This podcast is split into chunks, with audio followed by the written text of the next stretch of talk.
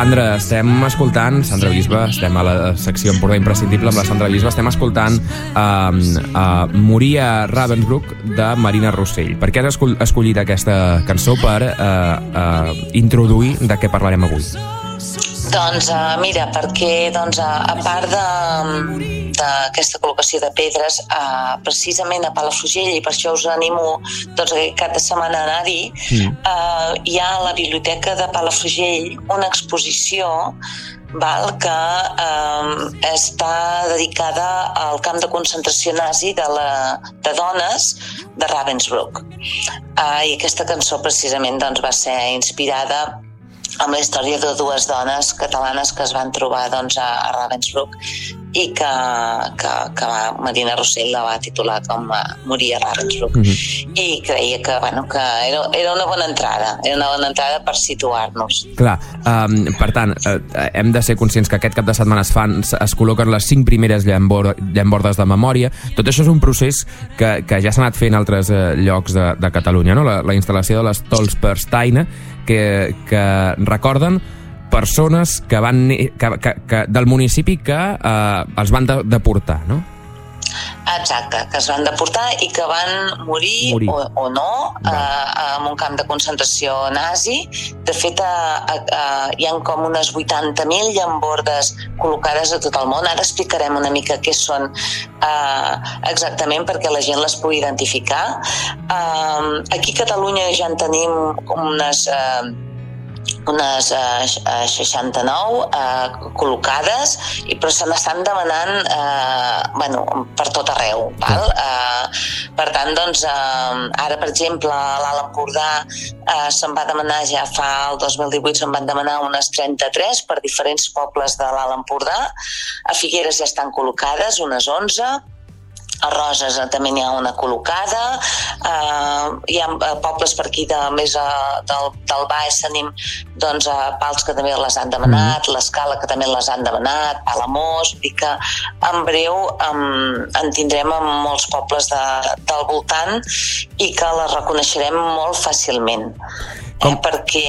Bueno, digues. Bueno, això, mira, m'ho has tret, anava a dir que com són aquestes llambordes i, i què és el que mira, veiem quan les uh, són, són uns blocs de ciment d'aproximadament 10 per 10 centímetres, val?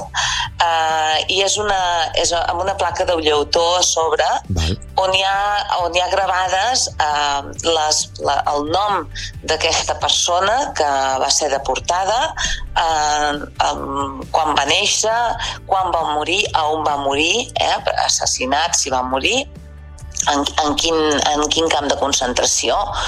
Um, i, i res, és, és molt poca informació però suficient com per, per, de, per, per fer-li aquest petit homenatge que aquest homenatge el va començar un artista que va ser una idea d'un artista en Gunther Demnig, un alemany que va començar aquest projecte el 1992 al principi va començar per, per d'alguna manera en fer com una mica de memorial als jueus víctimes de, de l'Holocaust, però llavors s'ha anat eh, ampliant a qualsevol víctima eh, de, del nazisme, no? I, I la veritat és que, que és una cosa molt bonica.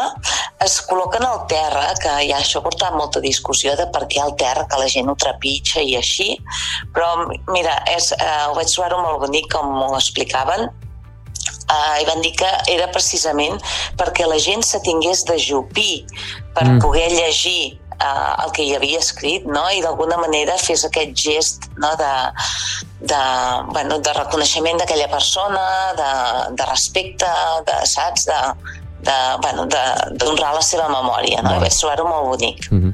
Molt bona. Uh, això aquí a, a Palafrugell s'instal·larà uh, davant del, de l'antic Museu del Suro, no? Exacte, de lo que és l'antic Museu del Suro, antiga escola també d'arts i oficis de Palafrugell. Això ho fan, en, en pobles es fan en diferents maneres. La idea inicial de Gunter Demnig és, era de col·locar-les davant de l'última casa on havia viscut aquella persona. Val? Okay. Llavors hi ha pobles que ho tenen repartit pels carrers, eh, vas a un carrer i en trobes una, una altra, i és ben bé allò que t'està indicant que, endavant, que en aquella casa doncs, va, haver va viure aquesta persona, ha altres pobles, com per exemple doncs, Palafrugell o Girona, que està al Jardí de la Infància de, de Girona, que, que els han col·locades totes juntes. Mm -hmm. Que tot això és una feinada, entenc, de, de buscar l'arxiu i buscar, perquè potser hi ha, hi ha casos que s'han oblidat, no? Oh, i tant, oh, i tant, oh, i tant. Mira, uh, per exemple, mira, ara t'explico un, un cas particular meu. Uh, el meu tio avi uh, també és, uh, va ser víctima de l'Holocaust. Ell és nascut a l'Escala i i ell va doncs, a morir, pobrissó, bueno, va morir assassinat a Mauthausen, en el camp annex de Mauthausen, primer va entrar a Mauthausen i després va passar a Gusen, que és on va morir, va durar res, nou mesos, pobrissó, i llavors ell en principi um, hauria d'haver estat um, també demanat aquí a Palafrugell, val? però com que no en tenien constància, um, perquè ell, ell va, viure, va néixer a l'escala, però d'adolescent ja va venir a viure a Palafrugell, va treballar a Palafrugell, tota la seva implicació política va ser a Palafrugell. Llavors, eh, havia de ser a Palafrugell que demanés la llamborda, però el, el, no en tenien constància, llavors va ser el poble de l'Escala que ho va demanar, que és el poble de naixement. I ara estem intentant que la portin cap aquí. Un cop els hi arribi a l'escala, que la portin aquí per col·locar-la aquí. Mm -hmm. Clar, aquí, tot el procés per eh, mm, eh, descobrir qui era el teu... Com va anar? Uf, eh, clar, eh, pr primer el, el, el que, que les famílies se n'assabenta d'aquestes coses eh, tard, no? O sigui, eh, clar, la, ells, ells van marxar eh, a França eh, això quan van veure que la cosa doncs, eh, anava malament perquè el meu, el meu, el meu tio avi va estar ficat a l'Ajuntament, era republicà, era un roig i per tant doncs, va veure la vida perillar i se'n va anar ell i la seva esposa i, i, i el seu fill de 8 anys se'n van anar cap a, cap a França. Llavors, clar, ella queda viure, ella sí que sobreviu, el fill també sobreviu, Uh, i ja, però esclar, es queden a França, a viure en família a França i, i ja al cap d'anys uh, és quan venen a, viure la, venen a veure la família aquí a Palafrugell i ens expliquen una mica tot el que, el que va passar, no? I llavors, doncs, en mica en mica hem anat recuperant eh, tota la seva biografia, però encara encara ens falta saber en quin camp de concentració de França va anar a parar. Encara no han trobat cap llista que hi surti. Vull dir que eh, encara hi ha coses per, per, mm. per descobrir. Mm -hmm. ja, realment jo supos, una de les experiències més dures eh, que pots viure és anar a veure un camp de concentració, anar a visitar un camp de concentració dels que hi ha oberts, eh? Eh, posa la pell de gallina, molt. posa la pell de gallina. Mira, precisament a l'exposició que, que també us recomano d'anar-hi aquest cap de setmana, que és la que hi ha a la biblioteca, ens parla de, del camp de Ravensbrück, que com mm. deia doncs, era un camp de dones, val? Eh, en allà hi van anar-hi 132.000 dones, es té calculat, unes 92.000 hi van morir. Una de les poques supervivents va ser la Neus Català, que, que va intentar, pobrissona, eh, nascuda als Guiamets, al Priorat, doncs, d'explicar a tort i a dret el que, havia, el, el que havien viscut, les tortures que havien viscut, val? Eh, es va escriure una vegada que hi, ha com 30, hi havia com 39 maneres de morir en un camp de, de concentració nazi, estem, tenim tots clar que eren camps d'extermini, o sigui, al final era sortir per la ximeneia, val? Uh, doncs, um, per exemple, al, al camp de Ravensbrück deien que un, dos, dos de les maneres de morir que més temien les dones de, de portades eren els experiments mèdics, val? perquè precisament com que eren dones el que volien era anul·lar doncs, aquesta raça i, i feien tot tipus d'experiments amb elles, llavors, eh, i, bueno, i tots deixar-los eh, doncs, eh, que no poguessin tenir fills, eh, bueno, van experimentar mèdicament molt, moltíssim amb elles i llavors també el corredor de la mort, que en deien, que era doncs, un, un camp de pràctiques de tir on posaven a les dones en fileres eh, i els, eh, una darrere l'altra i anaven doncs, fent pràctiques de tir, saps? A veure si doncs, milloraven la, la punteria amb elles, no?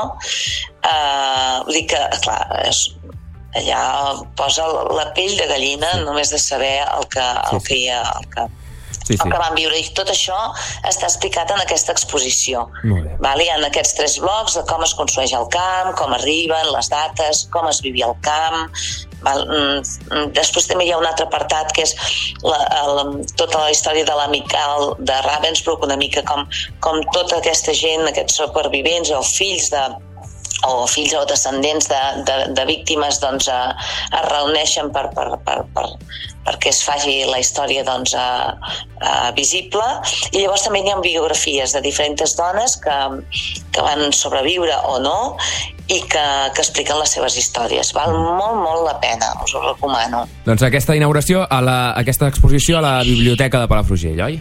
Sí, uh, compta amb els horaris, sí. perquè cada setmana fan uns horaris així més diferents. Val. O sigui, avui, si, si aneu avui divendres, uh, fins uh, aquest matí de 10 a dos quarts de dues està obert i de dos quarts de 5 a les 8. Molt bé.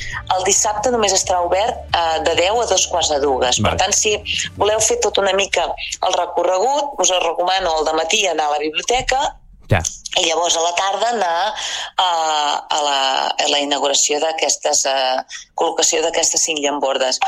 Uh, pensa que, que en Demnic, uh, quan estava doncs, uh, més fort, de, perquè és clar, és un senyor gran, Mm.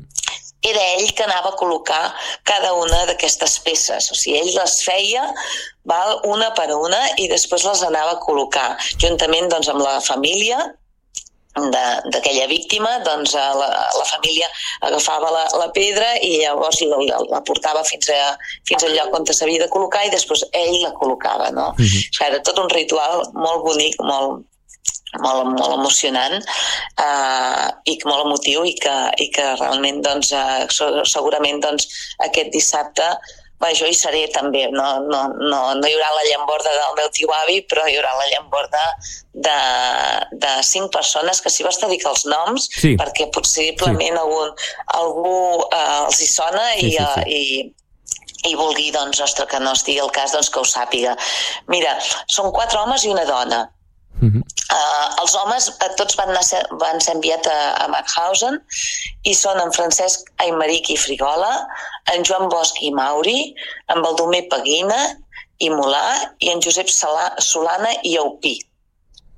I uh, a Ravensbrück hi va anar la Laura Gallart i Marquès. Eh, Aquestes seran les cinc llambordes per, per homenatjar aquestes cinc persones que van patir uh, l'Holocaust. -hmm.